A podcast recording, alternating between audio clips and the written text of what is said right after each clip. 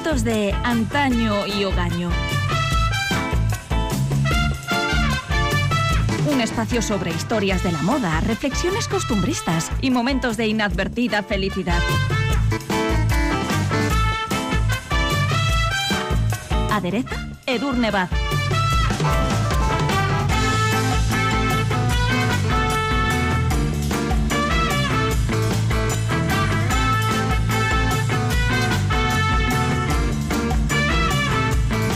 Anteriores capítulos de Asuntos de Antaño y Hogaño hemos ido analizando la relación entre la moda y el poder, un binomio que no se alimenta únicamente de prendas, sino que también lo hace de complementos estratégicamente elegidos.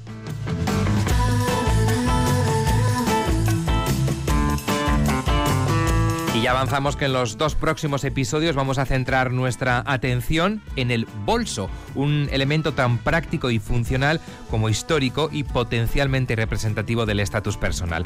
Edurne Vaz, ¿qué tal? Hola. Hola, muy bien. En numerosos momentos de la muy larga historia, como vamos a comprobar y por eso va a necesitar de dos episodios esta historia del bolso, como digo, como en la actualidad lucir un modelo u otro ha ido mucho más allá de guardar y transportar objetos de uso cotidiano, ha servido para más cosas. Sí, en palabras de la periodista Anna Johnson, cuando las joyas se cayeron de los vestidos, acabaron en el bolso. El lugar de reposo final, dice ella, para la teatralidad y el lujo en la moda contemporánea. Pero ¿Qué dice de nosotros el bolso, la sencilla bolsa de lona o la mochila que elegimos para guardar nuestros enseres personales? ¿Son esas elecciones un espejo de nuestra identidad, de nuestro estilo de vida o incluso de nuestro estado de ánimo?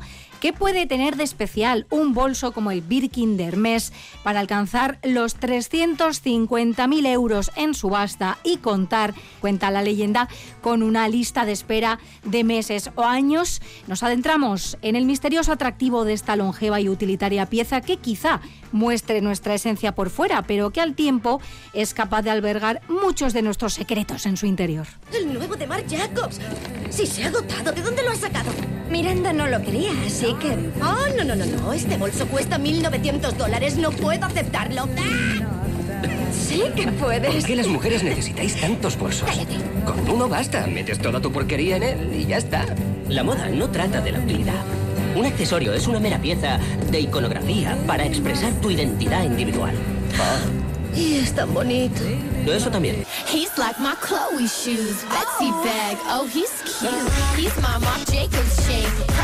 Vamos a trazar pues la historia del bolso y vamos a irnos a finales de 2020. ¿Por qué? Bueno, pues porque el Museo Victorian Albert de Londres inauguró una exposición temporal, por cierto, eh, todavía disponible hasta el 16 de enero de 2022. Una exposición dedicada al bolso y titulada Bags Inside Out. ¿Qué podemos ver en esa exposición, Edurne? Bueno, hemos visto la página web porque todavía no hemos podido ir físicamente al Victorian Albert, pero lo haremos si tenemos tiempo hasta esa fecha. Bueno, esta muestra profundiza en el estilo, la funcionalidad, el diseño y la artesanía del que califica como el accesorio definitivo.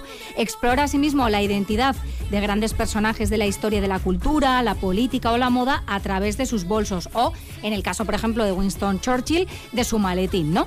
Y cabe apuntar, llegados a este punto, que como demuestra esta exposición, el bolso como símbolo de estatus no es en absoluto un invento moderno, como no lo son tampoco los bolsos ridículamente pequeños que llevan de moda unas cuantas temporadas a pesar de resultar tremendamente disfuncionales. Vamos a pensar, por ejemplo, en el arrollador éxito del microbolsito de Jacquemus, que podéis buscar en Google para alucinar si no lo conocéis ya, y que muy apropiadamente ha sido bautizado como Le Chiquito, porque realmente es muy pequeño, Minúsculo. es minúsculo, cabe ahí una tarjeta de crédito y con suerte una barra de labios. Desde luego el móvil no cabe. Incluso existe una reedición bautizada ya como Le Petit Chiquito que ya tiene unas dimensiones, si cabe, menores y absolutamente delirantes. Bueno, para que nos hagamos una idea, es poco más que un llavero en realidad, ¿no? Es un complemento, pero de bolso no tiene nada. Nada de nada. Es un Poco adorno, práctico. ¿no? Y tampoco son precisamente hijos de la modernidad los bolsos con mensaje. Por ejemplo, el bolso de mano de principios del siglo XIX y decorado, digamos, con un mensaje a favor de la abolición de la esclavitud que se puede contemplar en esta exposición de la que hablamos en Londres. Pero el mensaje también hay que decir que puede puede enviar un bolso no siempre es tan explícito. De hecho, a ¿eh? veces no hay que leer entre líneas eh, poniendo cada diseño en su contexto histórico y también geográfico. Claro, la cultura, digamos, eh, tiene mucho que ver con los mensajes que transmitimos a través de la ropa o los complementos. Por ejemplo, Lucía Savi, que es la comisaria de la exposición en el Museo Victorian Albert, explicaba al respecto que, por ejemplo, en algunos países africanos, los intrincados bolsos de cuentas de colores representaban el alto rango de los miembros de la sociedad y a menudo se llevaban alrededor del cuello. En palabras de la propia Savi, lo que hace que los bolsos sean objetos tan fascinantes es su doble naturaleza, ¿no? Porque pueden ser artículos muy personales para llevar nuestras posesiones, pero al mismo tiempo están presentes en la esfera pública y destacan quiénes somos o quienes aspiramos a ser. ¿no? El bolso, como otras prendas y complementos, nos aporta también valiosas pistas sobre los valores de cada momento. ¿no? Un ejemplo representativo podría ser el icónico bolso 2.55 de Coco Chanel, y es que bueno, la visionaria diseñadora era perfectamente consciente de que los accesorios eran mucho más que un mero adorno, eran en no pocos casos una declaración de intenciones o un verdadero manifiesto. Por ¿no? ejemplo, Mademoiselle Chanel contribuyó a liberar a la mujer desde la estética. Claro, hemos hablado de ella muchísimas veces y lo seguiremos haciendo porque fue una absoluta visionaria. Y esto también incluyó la creación en 1955 de este bolso, en cuya historia nos vamos a detener en el próximo episodio, pero hoy vamos a avanzar solo que fue el primer diseño contemporáneo con cadena incorporada con el fin de que las mujeres pudieran llevarlo colgado y así liberar sus manos, porque empezaban a estar ya afortunadamente ocupadas. ¿no? Cabe recordar, no obstante, que el bolso ni es ni ha sido históricamente un accesorio exclusivo del armario femenino. Incluso fue más masculino al inicio que femenino, ¿no? Pero sí existe un muy interesante análisis del bolso desde una perspectiva de género y nos vamos a adentrar en él en unos minutos. Pero antes tenemos que remontarnos a los orígenes del bolso.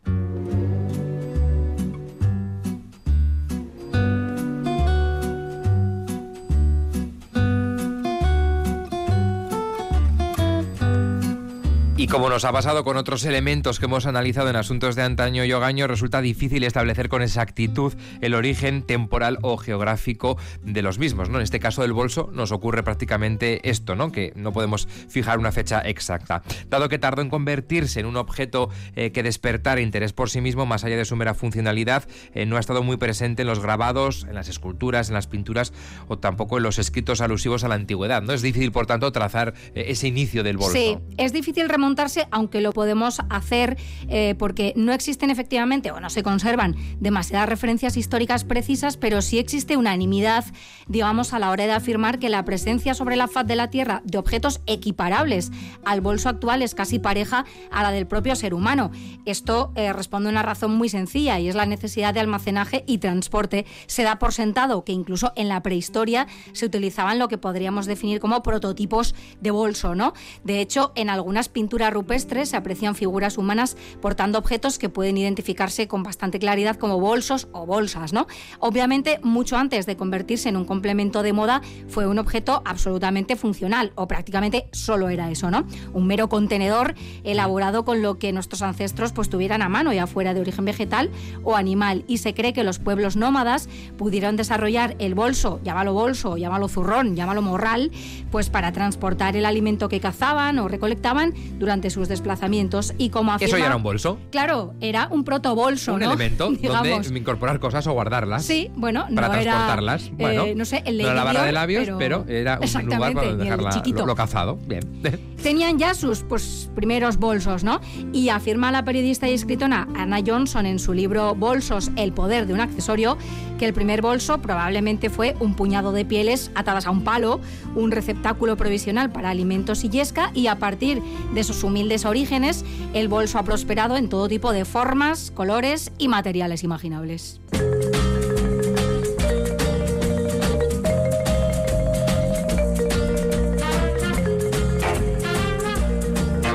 Viendo que en sus orígenes el bolso, el atillo, por ejemplo, ¿no? Sí. Era, como vemos, un objeto eh, meramente funcional que venía a suplir la ausencia de bolsillos integrados en la ropa que todavía tardarían un poquito más en, en llegar, ¿no? Estaba pensado para guardar en él diferentes enseres personales y era utilizado indistintamente por hombres y mujeres, eso sí, ¿eh? Independientemente de su clase social. Sí, todo el mundo utilizaba, eh, digamos, productos equivalentes al bolso, pero esto no significa que todos los bolsos fueran iguales, porque desde que el hombre es hombre, pues nos ha gustado marcar la diferencia. Diferencia. Somos así.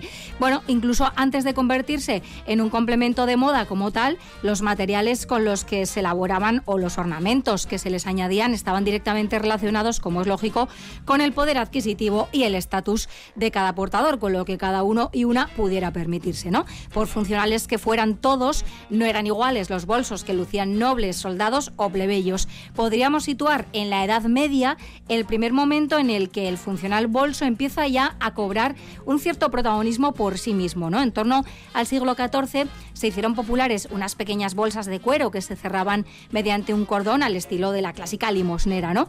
El uso de bolsitos pequeños además denotaba clase porque las grandes bandoleras o las bolsas llevadas sobre los hombros se consideraban de uso exclusivo pues para los laboriosos O campesinos. sea, cuanto más pequeño, mejor estatus tenías. Claro, sí. Menos cosas que transportar. Exactamente, O las las llevaba alguien, ¿eh? a lo mejor por ti, exactamente. Generalmente estos bolsitos se llevaban atados a la cintura o colgados del cuello y solían quedar escondidos entre los pliegues de la ropa, particularmente espaciosos ya en tiempos de máxima opulencia como el isabelino siglo XVI, salvo que estuvieran ricamente decorados, en cuyo caso, por supuesto, se procuraba dejarlos a la vista. Y es que entonces su valor empezaba a ser muy notorio y algunas piezas eran verdaderas obras de arte en las que no faltaban los bordados, los hilos de oro y plata, las incrustaciones de piedras preciosas, avalorios, volantes, joyas, plumas, pues lo que tuvieran a mano Ahí está el y que germen, fuera ¿no? De lo que luego vamos a ir viendo. Exactamente. Y tal y como recoge en su libro Anna Johnson, en el siglo XVII se encontró una nueva solución, los bonitos bolsillos de tela en forma de pera que se ataban a ambas caderas bajo las enaguas o el miriñaque. Llevar tantas prendas y tan voluminosas pues tenía Esa esta ventaja. ventaja, que podías meter allí de todo, ¿no? Y estas faltriqueras servían para llevar, pues como digo, de todo, desde patrones para hacer punto, hasta poemas,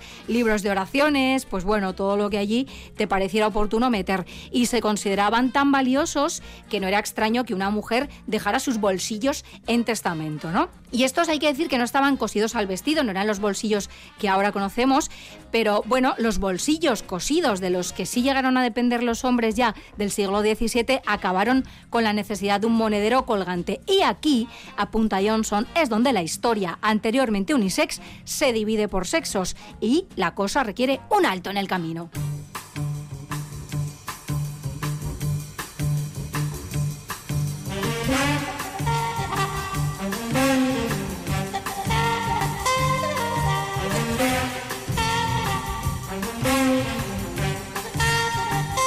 Como adelantábamos, existe por tanto un análisis de los bolsos y de los bolsillos que implica una interesante y pertinente perspectiva de género. Cuéntanos. Sí, todo en la historia de la moda tiene su porqué, hay muy pocas cosas que respondan al azar y eh, existe efectivamente un matiz entre el bolso y el bolsillo y es trascendental. Hubo un momento allá por el siglo XVII en el que, como decíamos, el bolso dejó de ser unisex. En palabras de Anna Johnson, los hombres perdieron el derecho a llevarlo y se quedaron para siempre con las manos en los bolsillos.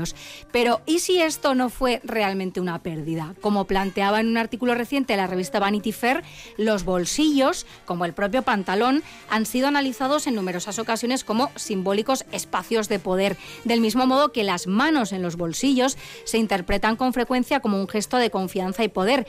Podemos pensar, por ejemplo, en Barack Obama, en sus posturas, sus manos en el bolsillo bajando del Air Force One y este tipo de cosas, ¿no? Un hombre confiado, poderoso, Obama. Vale, vale, vale, Bueno, también vamos a hacer un alto en el camino porque la escritora estadounidense Charlotte Perkins Gilman, que nació en 1860, convirtió precisamente el bolsillo en una causa feminista, tanto en sus artículos como en sus novelas. Sí, ya vemos que es un debate antiguo y ella denunciaba cómo las plumas, los vestidos ampulosos, los tacones y todos los complementos con los que se adornaban y se adornan las mujeres pues estaban pensados para limitar sus movimientos y constreñirlas.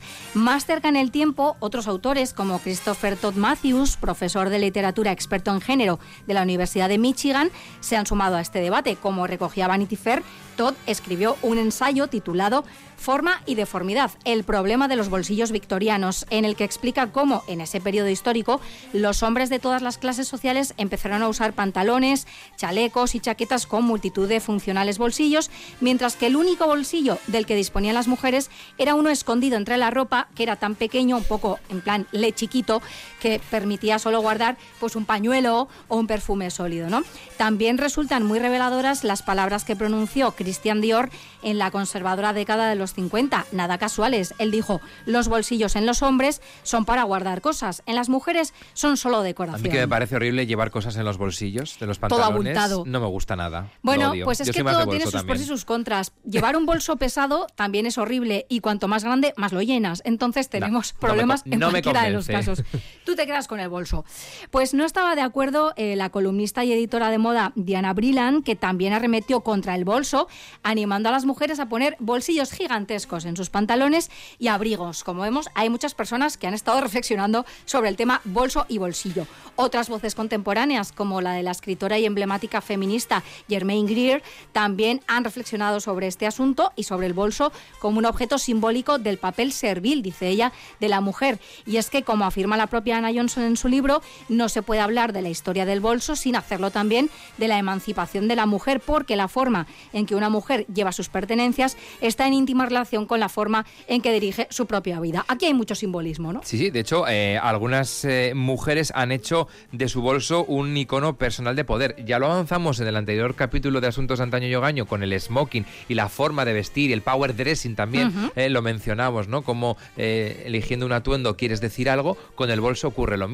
Claro, aquí vemos que hay personas que consideran que el bolso impide los movimientos de la mujer y por lo tanto constriñe y otras mujeres, como dices, lo han convertido precisamente en todo lo contrario, en un icono de su poder. Podemos pensar siempre en ella porque siempre que hablamos del power dressing sale a colación Margaret Thatcher que se refería a su bolso como mi compañero de toda confianza. Y es que además en él guardaba todo lo que ella creía que no estaba a salvo de miradas indiscretas ni siquiera en el 10 de Downing Street. Ella lo llevaba ahí en el regazo sus papeles importantes y ahí nadie les echaba mano, ¿no? Tanto se identificó el bolso de Thatcher con su forma de gobierno que llegó a aparecer en una caricatura en la que la primera ministra lo utilizaba para golpear con su bolso, ¿no? A Argentina en el contexto de la guerra de las Malvinas. Así quedó de vinculado con ella, ¿no? De hecho, es que el bolso es algo muy íntimo. No se te ocurre mirar el bolso de alguien, ¿no? No Hay algo muy personal. Es como mirar el móvil, muy mal, niños y niñas, Absolutamente, eso ¿no? no se hace. Bueno, pues podríamos mencionar también a la reina Isabel II de Inglaterra, siempre pegada a su bolso, a través del cual, como veremos en el próximo episodio, Dice spoiler. cosas. Sí, sí, sí, ella ha Vale. desarrollado ahí un lenguaje cifrado con su bolso para comunicarse con sus ayudantes personales.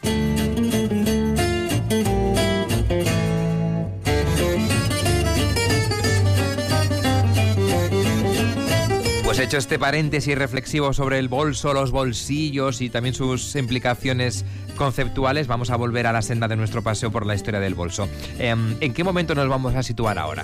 Bueno, llegamos al París de finales del siglo XVIII con la llegada de los mucho menos ampulosos vestidos imperio que ya no resultaban, bueno, tan útiles, digamos, para esconder el bolso o la limosnera o lo que fuera entre los pliegues de la ropa. Y bueno, los bolsillos en forma de pera que también se escondían, ahora ya no era posible con estos vestidos mucho más ligeros. Entonces la búsqueda de nuevos modelos, hay que decir que tampoco requirió demasiada ingeniería. Simplemente se cogió el bolsillo y se le puso un cordón para llevarlo en la mano, sentando las bases ya del bolso más o menos tal y como lo conocemos hoy en día. Estos primeros bolsillos exteriores fueron conocidos como retículas, del latín reticulum, y acabaron maliciosamente rebautizados por la prensa francesa como ridículos. Y además, así se han quedado ya como mm, casi nombre técnico, Sí. ¿no? El siglo XVIII fue también el siglo del estilo pochette. Tanto hombres como mujeres llevaban documentos en unos sobres de cuero y seda que acabaron derivando en monederos de esmalte o carey con una estructura ya rígida que alcanzaría gran popularidad en los años 20 y que hoy sigue vigente en forma de o del Sí, bolso de mano tipo sí, sobre. de mano que bueno, tipo sobre, sí, ya no llevamos igual ahí nuestros documentos, pero llevamos nuestras cosas. O cada uno pues lo que quiera llevar y guardar, ¿no? Como Margaret Thatcher. Y tal y como recoge en su libro Anna Johnson, el primer bolso genuino de piel llegó un poco más tarde cuando se hizo necesaria una bolsa resistente y con asas para viajar. Además de la incorporación de lo que hoy conocemos como neceser, pues para guardar ya los productos de aseo personal. Y Por que antes supuesto, podíamos subirlo al avión, ¿eh? Esos grandes neceseres. no te miraban cuántos mililitros no, no, tenías no, no, en no, tu Yo recuerdo los- esos bolsos de, de viaje más neceser, ¿no? Sí, bueno, pensemos en todos los bolsos y maletas de viaje de Louis Vuitton, por ejemplo. Por ejemplo. Que, bueno, hablaremos de esa firma la próxima semana cuando hablemos de los bolsos icónicos con nombre y apellidos. Pero bueno, eh, viajar hay que decir que no era algo que estuviera al alcance de cualquiera, obviamente, ¿no?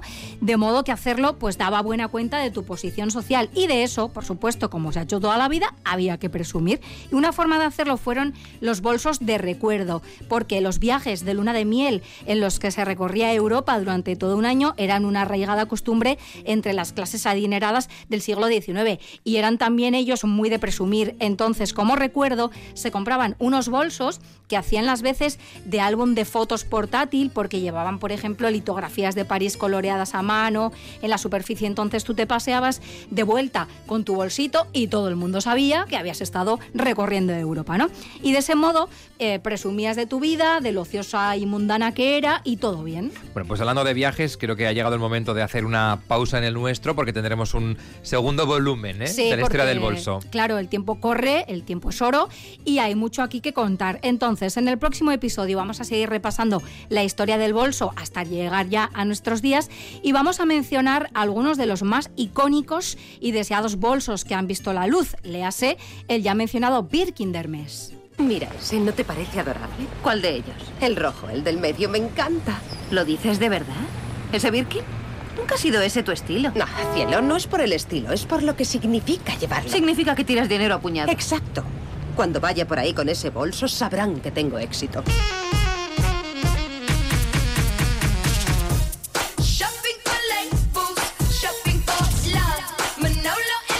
Pues retomaremos lo que nos queda de la historia del bolso hasta llegar a nuestros días, eh, los más icónicos eh, que conocemos A ver todos, cuál te ¿no? pides. ¿Eh? Louis Vuitton, el Hermès, bueno, Sí. en fin. ¿Y quiénes Hay lo una- llevaron? ¿Quiénes y lo quiénes popularizaron? llevaron? Y lo que cuesta conseguirlos, ¿no? Oh, Las Dios listas de mío. espera. Sí, sí. Pero será en el próximo episodio de Asuntos de Antaño y Ogaño, volumen 2 de la historia del bolso con Edu Nevaz. Es que ricasco. Es el gatic. Agur.